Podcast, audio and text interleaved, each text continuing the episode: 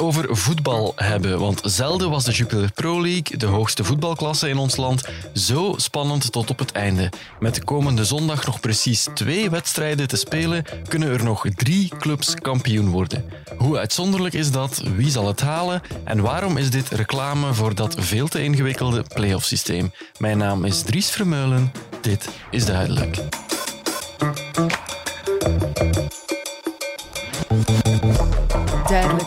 De morgen.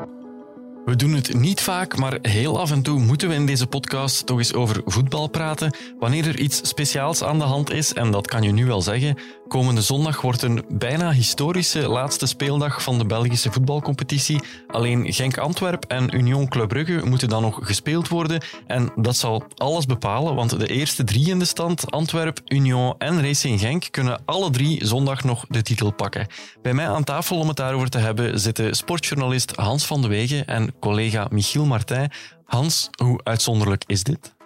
Wel, ik heb gelezen, want ik heb het zelf niet opgezocht, dat het 24 jaar zou geleden zijn. Dat er drie, en toen was het eigenlijk uh, niet hetzelfde scenario. Mm dus, uh, dus, toen waren er eigenlijk maar twee clubs, maar een derde kwam nog een beetje in de running. Het is uh, zeer uitzonderlijk, uh, zeker in de Belgische competitie. Het heeft natuurlijk te maken ook met de competitieformule voor een stuk. Ja, inderdaad. Hè. Dat het op het einde nog zo spannend kan zijn, komt voor een groot deel doordat die competitie wordt beëindigd met play-offs. Michiel, kan je dat nog eens helder even samenvatten, die play-offs? Hoe zit dat precies in elkaar? Ja, uh, die play-offs um, komen eigenlijk na de reguliere competitie. Hè. Dus de reguliere competitie zoals dat we die in Europa in alle competities kennen. Alle ploegen spelen twee keer tegen elkaar, een keer thuis, een keer uit. Um, en op het einde heb, je, heb je een klassement. Maar bij die play-offs wordt er dan nog gekeken van wie staat er bovenaan. En die komen dan nog eens tegen elkaar uit om uit te maken wie kampioen wordt, wie de beste Europese tickets krijgt. Um, je hebt die play-offs die zijn sinds 2009 aan een soort van constante hervorming toegeweest. Je had eerst zes ploegen, laatste jaar heb je vier ploegen, volgend jaar wordt het weer zes ploegen. Maar op dit moment heb je vier ploegen die dan nog eens tegen elkaar spelen om te kijken ja, wie wordt dan effectief de kampioen. Ja, en daar moeten we dan ook nog bij zeggen, dat is niet alles. Er zijn er twee. Hè. Er is play-off 1 en play-off 2, om het voor de niet-voetbalkenner helemaal ingewikkeld te maken. Ja, je hebt ook een play-off 2 om ook die andere ploegen, hè, die niet in die hoogste regionen zitten, toch een beetje perspectief te bieden. En zij spelen dan voor nog een overblijvend Europees ticket. Vanaf volgend jaar is de bedoeling dat ook weer alle ploegen in een soort van play-off systeem komen. En nu heb je een aantal ploegen die gewoon op congé zijn op dit moment, zoals Anderlecht, uh, wat toch een beetje vreemd aanvoelt. Hè. Dat is ook mm altijd een beetje de kritiek geweest, denk ik, op het play-off systeem, dat het toekoer nooit eerlijk is geweest voor alle ploegen. Hè. Dat je de, de topploegen die dan nog die topwedstrijden krijgen, of soms is een kleine garnaal die, die er zich dan tussen wurmt, dat mhm. die dan nog ja, in de spotlight komen te staan en dat al de rest toch een beetje in de marge verdwijnt.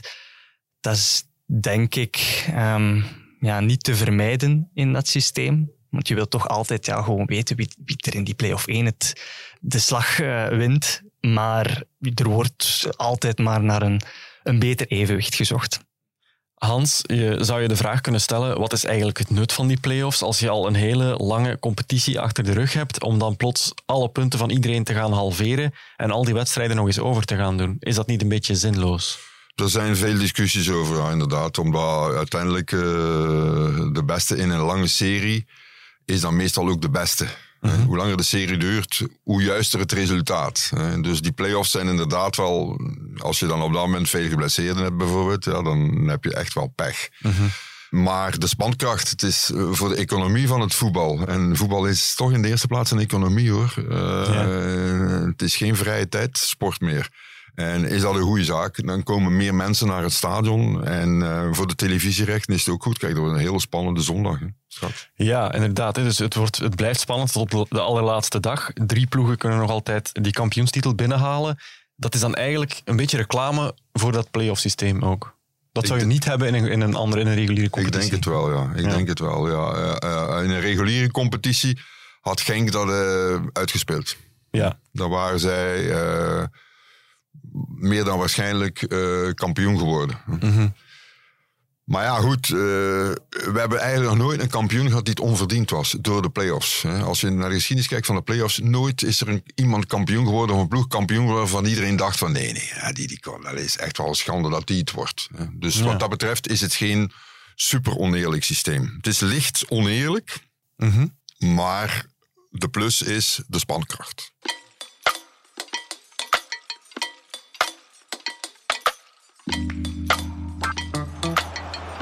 Lambrechts meteen eh, zeer duidelijk. Jansen nu en 1-0. Geen buitenspel. 1-0 Vincent Jansen. Daar is al de goal die Antwerp mogelijk op weg zet naar de titel. Rode kaart voor Liene komt eraan. Te hevig. Het gaat van kwaad naar erger met Union. Puerta strap bal weg, en gaat erin. Daar hebben we het al. Het is de gelijkmaker voor Union. Hoe groot is de teleurstelling nu? Het is echt, dat is super groot. Dus het is niet, niet omschrijven. Het zag er zo lang zo goed uit. Ja, zo lang zo goed, ja. Maar dat jammer dat het niet gebeurd is. Hè. Volgende keer beter zeker. Ja, het zag er goed uit. Eigenlijk had Antwerp vorige zondag al kampioen kunnen zijn, misschien wel moeten zijn. Heel lang 1-0 voorgestaan tegen Union, dat na een uur dan nog met een man minder moest spelen, na een rode kaart. Hans, hoe is dat nog fout kunnen lopen? Uh, dat ligt helemaal aan Antwerpen. Ja? ja, dat ligt aan Antwerpen. En dat al, ze al een heel jaar doen, eigenlijk al redelijk zuinig voetballen. Heel veel uit de wedstrijd halen en er zo min mogelijk insteken. Uh, tactisch, cynisch noemen we dat soms. Maar wel wel heel veel inzet. Met een, en gesteund door een hele grote achterban. Maar dat is nu een beetje tegen, tegen hen gedraaid. Uh, heeft zich tegen hen gekeerd. Uh, want ze hebben eigenlijk uh, een gelijkspel moeten toestaan op de manier waarop zij eigenlijk altijd, of altijd waarop zij veel wedstrijden dit jaar hebben gewonnen. Namelijk toch nog die wedstrijd, of, of dat punt eruit halen, of die twee punten, of die drie punten eruit halen. Dat heeft Union nu gedaan bij hen. -hmm. Door een zondagshot dan in principe niet mag binnengaan. ja. en, uh, maar hoe, ja, dat, is, uh, dat roep je over jezelf af als je met 1-0 uh, voorsprong tegen 10 man die eigenlijk op dat moment niks meer klaar krijgen, als je dan niet gaat doordrukken. Hè, dan moet je echt durven doordrukken. Mm -hmm. En dat is een beetje typisch voor Antwerp. En dat is ook zeer, dat ligt aan, aan de trainer van Antwerp. Dat is Mark van Bommel. En dat kan ook wel de reden zijn dat Mark van Bommel in zijn vorige clubs in Europa niet echt heeft gescoord. Dat is PSV en Wolfsburg. Daar is hij heel snel weer moeten vertrekken. Ja, bij Antwerpen lukt het nu voorlopig wel. Als ze kampioen worden, zal Mark van Bommel op een piedestal worden gehesen. Als ze geen kampioen worden, dan gaat toch wel een aantal ogen zijn richting uit voor van ja, je hebt het niet helemaal afgemaakt. Ja. Antwerp blijft wel de enige van die drie ploegen die het eigenlijk volledig zelf nog in handen heeft, die zelf kan beslissen of ze kampioen wordt of niet. Wat zijn nu precies de mogelijke scenario's voor zondag? Als uh, Antwerp wint, en dat moet, dat moet wel gebeuren op het veld van Genk, mm -hmm. dat ook moet winnen, dat zeker moet winnen om kampioen te worden. Ja. Als Antwerp wint, is het zeker kampioen. Antwerp kan ook nog kampioen worden als ze gelijk spelen. Maar dan, dat hangt af van de andere uitslag, namelijk van Union tegen Club Brugge. Als Club Brugge wint bij Union, dan is Antwerp alsnog kampioen. Als ze gelijk spelen. Als ja. ze gelijk spelen. Als Antwerp verliest, kan het niet. Dan springt Genk erover. Mm -hmm. Als die twee gelijk spelen, Antwerp en Genk, en Union wint van Club Brugge, dat verwacht men, maar dat is ook niet zo makkelijk. Dan is Union weer kampioen. Dus er zijn, er zijn geen honderden mogelijkheden. Er zijn maar drie mogelijkheden in drie verschillende kampioenen. Maar de enige club die het helemaal zelf in handen heeft, is Antwerp. Alleen, dat hadden ze vorige zondag ook. Ja. In, op eigen veld. Nu hebben ze het nog in handen, maar op een vijandig veld. Hè, dat zelf nog betrokken is en dat zelf absoluut moet winnen. Dus dat is natuurlijk een ander scenario. Ja, ja. ja dat is dan tegen Genk, wat sowieso ook geen makkelijke wedstrijd zal worden. Maar Genk was eigenlijk, lag eigenlijk tot vorig weekend uit die titelrace. Hè? Ja. Uh, en zijn er nu plots weer bijgekomen. Is dat goed voor het einde van, uh, van die competitie? Het is goed voor het einde van de competitie, maar het zegt wel over, iets over het niveau van, uh, van de Belgische kampioen. Hè. Dus Ja. We gaan geen al te sterke kampioen krijgen. Hè. Uh, dat is vrij duidelijk. En nu Union heeft goed gepresteerd in Europa en Antwerpen iets minder. Maar we gaan geen... Het is geen kampioen met superveel talent die, waarvan we denken, nou ja, zoals het Club Brugge van twee, drie jaar geleden, ja, die kunnen wel wat betekenen. Ploegen die het moesten doen, zoals Genk, die heel veel voorsprong hadden, die hebben ofwel pech gehad, maar Genk heeft niet alleen pech gehad, die hebben ook een beste verkocht gewoon. Dat is dus echt gewoon, ja, eigenlijk belachelijk, ridicuul. Hè? Dat je dus midden in het seizoen nu een topschutter verkoopt, terwijl dat je weet van, we hebben nu een zak punten voorsprong. Op het moment dat Paul Onuachu blijft, dan eh, winnen zij twee, drie wedstrijden meer en spreken we nu helemaal niet meer over, eh, dan is Genk al lang kampioen. Dus dat is eigenlijk een van de redenen waarom het nu nog zo, zo, zo spannend is. Hè? Dus, eh, Ja, je hebt het dan over Paul Noacho, de topschutter van eh KRC Genk, die in januari verkocht werd aan Southampton. Als je dan ziet dat eh Onuachu bij Southampton terechtkomt, die degradeert, speelt daar, ik denk, 400-tal minuten, scoort niet. Is dat dan ergens een zwaktebod van de Belgische competitie, dat die verkoop er is gekomen? Het is heel moeilijk van een Belgische competitie, als je geen supertalent bent, om als volwassene te gaan scoren of te gaan meedraaien in een andere grote com- competitie. Je ziet het net hetzelfde met de spits van Union, ehm Oendaf. Het ook bij Samatta. Geen minuten, ja, Samatta. eh, Veel andere spelers. Ik denk van ja, eigenlijk zijn dat grote talenten. Die worden dan weggehaald. Ehm, David van Gent bij Lille. Maar Lille is dan, ja, is dan toch het tweede niveau een beetje in Frankrijk. Dat ook niet direct de Premier League is. Die, die, die, draait dan, die zal waarschijnlijk wel een grote transfer doen. Waardoor Gent ook nog wel zal cashen. Maar het is heel moeilijk.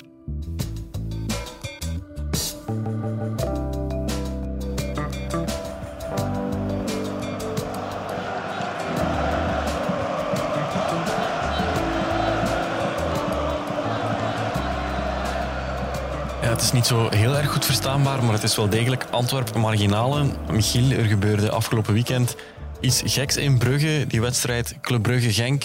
Niet alleen wurmde Genk zich door daar te winnen opnieuw in die titelstrijd, maar ook sommige van de thuissupporters, van de Brugge-supporters, juichten bij de Genkse doelpunten. Omdat als Genk weer kans maakt op die titel, betekent dat minder kans voor Antwerpen. Dat is iets dat ik nog nooit heb gezien in het voetbal. Supporters die juichen voor doelpunten van de tegenstander. Ja, ik denk dat er in het voetbal sowieso wel ehm, meer anti-supporters zijn Ja? dan in andere sporten.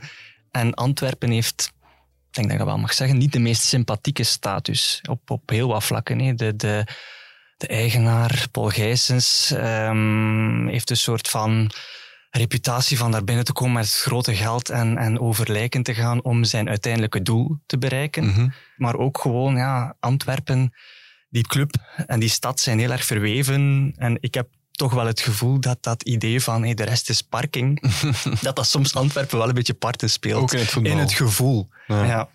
Ja, dat klopt. Hè. En, maar toen Antwerpen promoveerde, was het algemeen gevoel, ah ja, eh, de een van de grootste markten in België komt er nu bij. Hè. En, en dat is een goede zaak voor Belgisch voetbal. Maar de stijlopgang van Antwerpen heeft, heeft veel mensen doen nadenken en zeggen van, ja, maar ja, dat is hier niet normaal dat het op zo'n korte tijd ineens kampioen zou worden.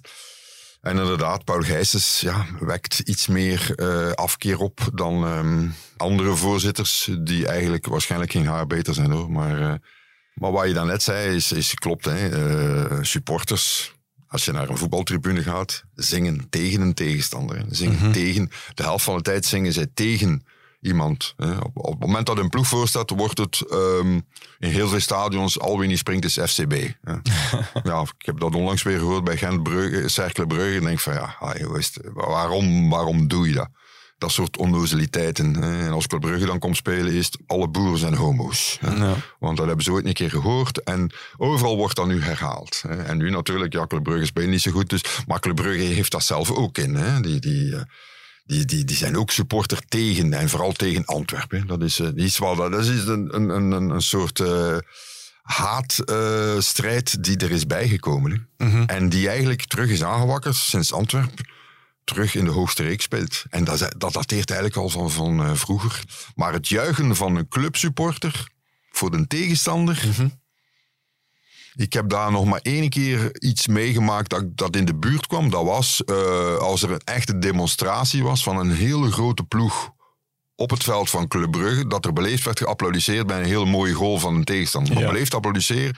Verder ging het niet. Nu werd er gejuicht puur omdat ze tegen Antwerp zijn. Dat zegt veel over die supporters die in principe het zijn er ook niet zo heel. Het is ook niet dat er daar 20.000 man natuurlijk zat te, te brullen om Genk vooruit eh, te helpen. Dan niet. Maar die paar is eigenlijk al genoeg om te zeggen: hé, hey, raar. Ja, dat is Nee, bizar. het heeft het idee ook wel wat verder aangewakkerd, denk ik, dat Union het straks cadeau krijgt, krijgt Ja. van club in die wedstrijd. Wat naar mijn gevoel, puur als je het sportief bekijkt voor club, is er niet veel meer te winnen in die wedstrijd. Dus de motivatie die zal wel niet ja, 100% zijn. Maar daarom wordt het denk ik nog geen cadeautje. Nee, maar er zijn spelers natuurlijk die bij Club Brugge die zullen opgesteld worden en die weten de kans dat wij hier vertrekken is heel groot. Hm? Lang, Buchanan, nog een paar andere. Dat zijn hele goede spelers. Die gaan niet voluit gaan. Als eh, Burgess komt tackelen, die gaan springen. Die gaan niet zeggen, ja, maar ik ga mij ook zetten. Dus, eh, want ja, voor hetzelfde geld, eh, een gescheurde knieband eh, of, of weet ik, een zware blessure en de trans transfer valt in het water. Anderzijds weten zij ook van, morgen is het congé, hè, gasten. Morgen is vakantie. Misschien staan de koffers al klaar thuis. ja, een kampioenenviering zit er niet meer in in Brugge. Dus wat dat betreft kom je toch met een andere mindset in dat veld. Hè? Ja. Nog even over dat supporteren tegen Antwerpen. Hans, jij zei ook al in onze krant, eigenlijk gunt niemand Antwerpen de titel, behalve de supporters van Antwerpen zelf. Dat is een beetje vreemd, want eigenlijk is Antwerpen, ja, net als Union, is die ploeg op zeer korte tijd snel opgeklommen in die hoogste voetbalcompetitie. Bij Union heeft dat heel veel sympathie opgeleverd, ook bij supporters van andere clubs. En bij Antwerpen eigenlijk het tegenovergestelde. Dat is gek. Ja, daar zit een bepaalde naïviteit in van de voetbalfan. Ja? Die niet ziet wat er natuurlijk bij Union gebeurt. Hè. Als Union spelers kan kopen voor zogezegd 1 miljoen of 2 miljoen euro, dan weten die spelers zijn eigenlijk veel meer waard. Brighton zit daarachter. hè. Mhm. Brighton en Hove Albion, dat is de ploeg van Tony Bloom, van de, de, de, de, de gokker die eh, zo rijk is dat hij clubs kan hebben. Dat is ook een fout model, hè. Want die zit hier niet bij- in Union omdat ze zo'n mooi stadion hebben, zo'n antiek stadion hebben. Die zit echt, die zit gewoon in België om hier een poot te hebben, om spelers te kunnen stallen, om een uitstalraam te hebben. Hè, in, in zeer gunstige fiscale en parafiscale omstandigheden. Dat is eigenlijk de reden. Dus in principe moet je Union, ik heb al gezegd, vorig jaar heb ik dat nog geschreven, het zou een schande zijn als Union kampioen wordt, maar dat zou voor het eerst zijn dat een buitenlandse eigenaar kampioen wordt in België. Dat is nog nooit gebeurd. Dat blijft over, overeind staan. Vandaar dat ik eigenlijk hoop op Genk, ook omdat zij door het seizoen heen het beste voetbal hebben gespeeld. Top 1 na beste voetbal is dan wel Union. Maar de sympathie voor Union heeft ook te maken met hun supporters. Ze hebben natuurlijk een, een zeer eh, beschaafde, positieve supporterschare. Want zij supporteren niet tegen de tegenstander. Zij supporteren voor zichzelf. En dat maakt veel goed. Eh, er, is, er is animositeit in dat stadion, maar geen vijandigheid. Ja. Er is daar niemand die eh pinten bier naar zijn kop krijgt. eh, maar dat heeft ook natuurlijk te maken met het publiek. Hè. Dat is een, ofwel een ouder publiek, dan wel een nieuw, jonger, stedelijk publiek dat zich tijdelijk amuseert met die ploeg. Tijdelijk bedoel ik mee, zolang het succes duurt. Op het moment dat ze aan het wegzakken zijn en zouden durven uit de eerste klasse vallen, dan ga je zien wat er gebeurt. Hè. Dan, iedereen verdwijnt daar dan. Hè. Dat is typisch, dat hebben we ook in Gent gezien. Hè. Gent had tijdelijk een zeer stedelijk publiek, positief ingesteld, behalve wat van de harde kern. Maar die, zijn, die komen niet meer, hè. want Gent speelt wat minder goed. Dus, maar dat gaat in Union ook gebeuren. Ja. Voor welke club staat er het meest op het spel? Als je kijkt naar het wel of niet behalen van die titel, is dat dan toch Antwerpen? Omdat je met dat aspect van een beetje de financiële doping Ja. via de mecenas zit. En als zij dan die Champions League middelen kunnen binnenharken, dat dat wel die boekhouding Ja. wat gezonder kan maken. Ja, ja dat scheelt. Hè. Als ze die 35 miljoen kunnen pakken en eventueel wel stunt kunnen herhalen van Club Brugge, dat is heel moeilijk. Eh, want natuurlijk, met hun klassering ook eh, gaan ze niet direct in, eh, in de beste potten zitten om gekozen te worden. Ze zullen zeer zware tegenstanders hebben. Maar ja, ze hebben 35 miljoen als ze de Cha- Champions League spelen. En dat is natuurlijk ongeveer het verlies hoe, dat eh Gijsens eh, elk jaar heeft al moeten slikken. Hè? Dus dat zou kunnen gecompenseerd worden. En ze gaan nu ook wel wat spelers kunnen verkopen. Maar ja, spelers verkopen wil zeggen andere spelers halen waarvan je nooit, van wie je nooit zeker bent, die halen hetzelfde niveau.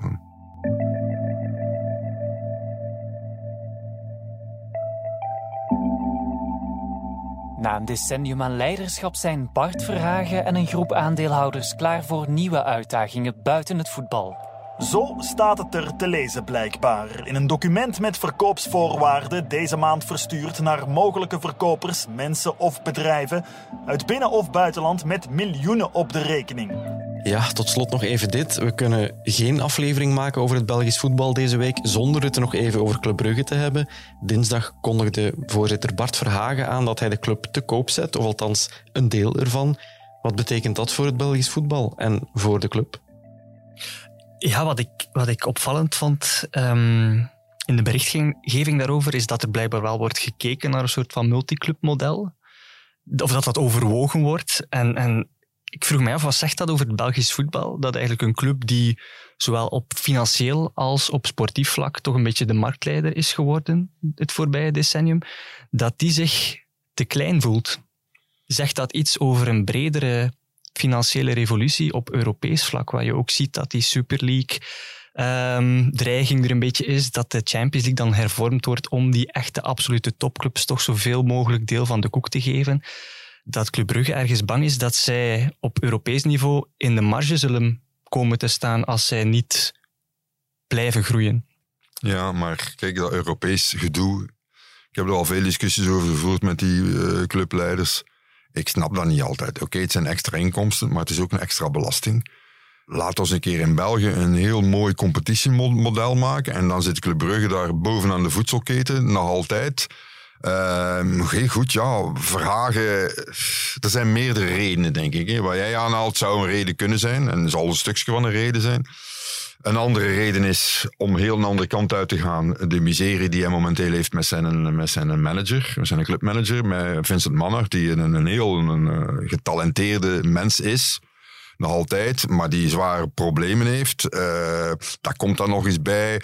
Er is, schijnt een beetje discussie te zijn in het bestuur met Jan Bonen van Lotus bakeries. Hè, dat is iemand die, die voor wie een, een, een uitspatting, een orgie is als hij twee speculoosjes neemt, bij wijze van spreken. Dus als hij al die dingen ziet die daar bij Club... Dat is een van de vier aandelen. Of ja, een van de aandeelhouders. ja. Maar als hij dus al die dingen hoort en leest wat er in Club Brugge gebeurt, waar ze nu zeggen, ja, het gaat hier, uh, het is hier uh, money and drugs. Uh, ja, en, en, en alcohol.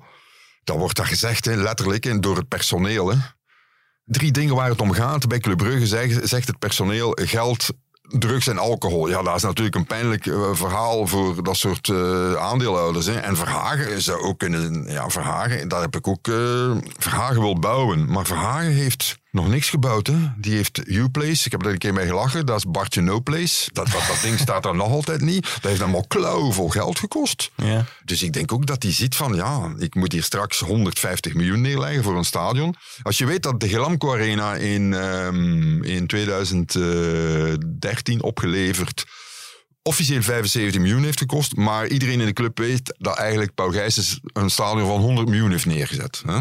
En Club Brugge wil een van 40.000 plaats. Dus Gent is 20. Dan weten van, ja, die 100 miljoen, dat zal meer zijn. Hè? Dus ze berekenen nu op 150 miljoen. Ik, voor mij 150 miljoen zijn ze er niet hè, in, in Brugge.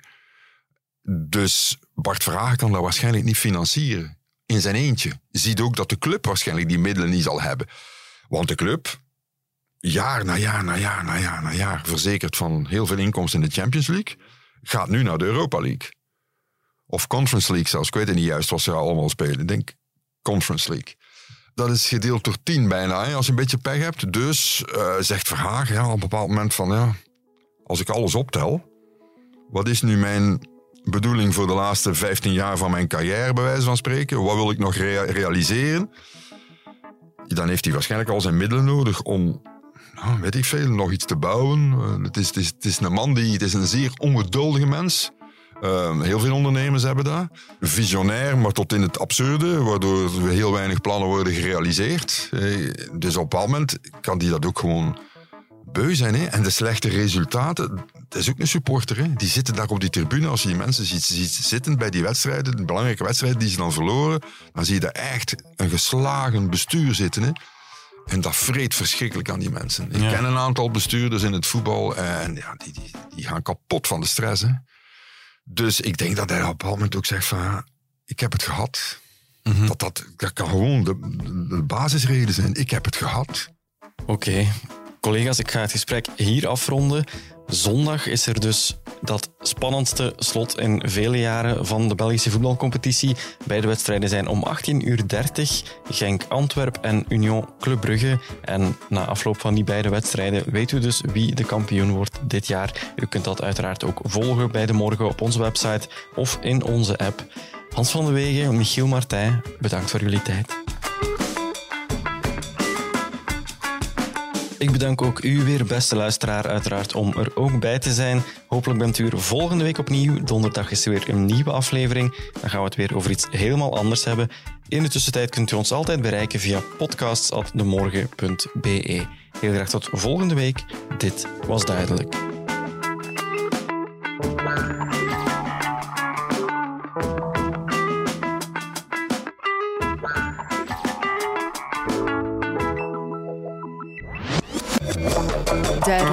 De morgen.